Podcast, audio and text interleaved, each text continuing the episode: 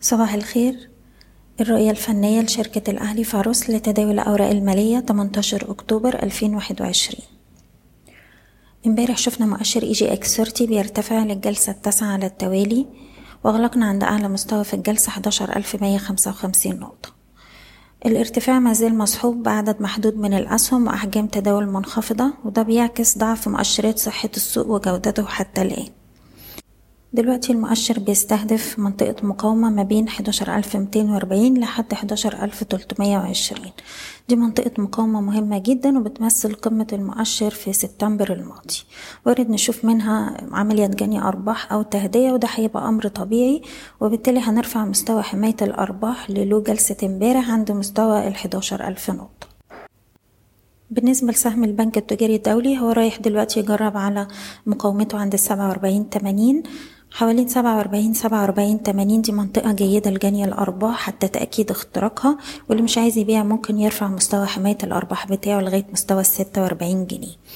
وبالنسبة لسهم فوري هو دلوقتي بيستهدف مستوى سبعتاشر تلاتين. برضو دي منطقة مقاومة مهمة جدا منطقة جني أرباح. لازم يعديها عشان نقدر نرفع المستهدفات لغاية تمنتاشر ونص وعشرين جنيه. وأول دعم عندنا عند الستاشر جنيه وده ممكن نحطه مستوى حماية أرباح للناس اللي مش عايزة تبيع دلوقتي. سهم GB Auto بيتحرك فوق منطقة دعم ما بين تلاتة جنيه خمسة وتسعين تلاتة جنيه تمانين.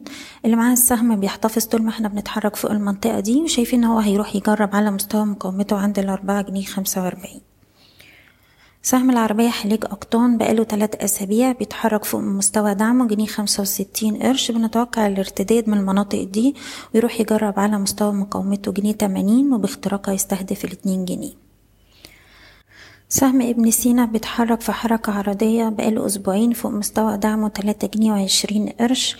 طول ما إحنا فوق المنطقة دي السهم هيشوف محاولات ارتداد يروح يجرب على مستوى مقاومته تلاتة جنيه خمسة وأربعين ثم تلاتة جنيه خمسة وخمسين وهنحط إيقاف الخسائر للتريدة دي تحت مستوى التلاتة جنيه وعشرين قرش. سهم جهينة بيتحرك بقاله أربع أسابيع في حركة عرضية تجميعية ما بين خمسة جنيه خمسة وتلاتين لحد خمسة جنيه خمسة وستين.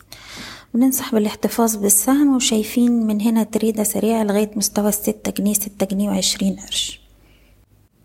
أخيرا سهم كيما بيتداول فوق مستوى دعمه تلاتة جنيه خمسة وخمسين طول ما إحنا محافظين عليه هيروح يجرب على مستوى المقاومة تلاتة جنيه وتسعين قرش وباختراقها يستهدف أربعة جنيه وخمستاشر قرش. دي الأسهم اللي كانت معانا بنتمنى لكم كل التوفيق. إيضاح الشركة غير مسؤولة عن أي قرارات استثمارية يتم اتخاذها بناء على هذا التسجيل. شكراً.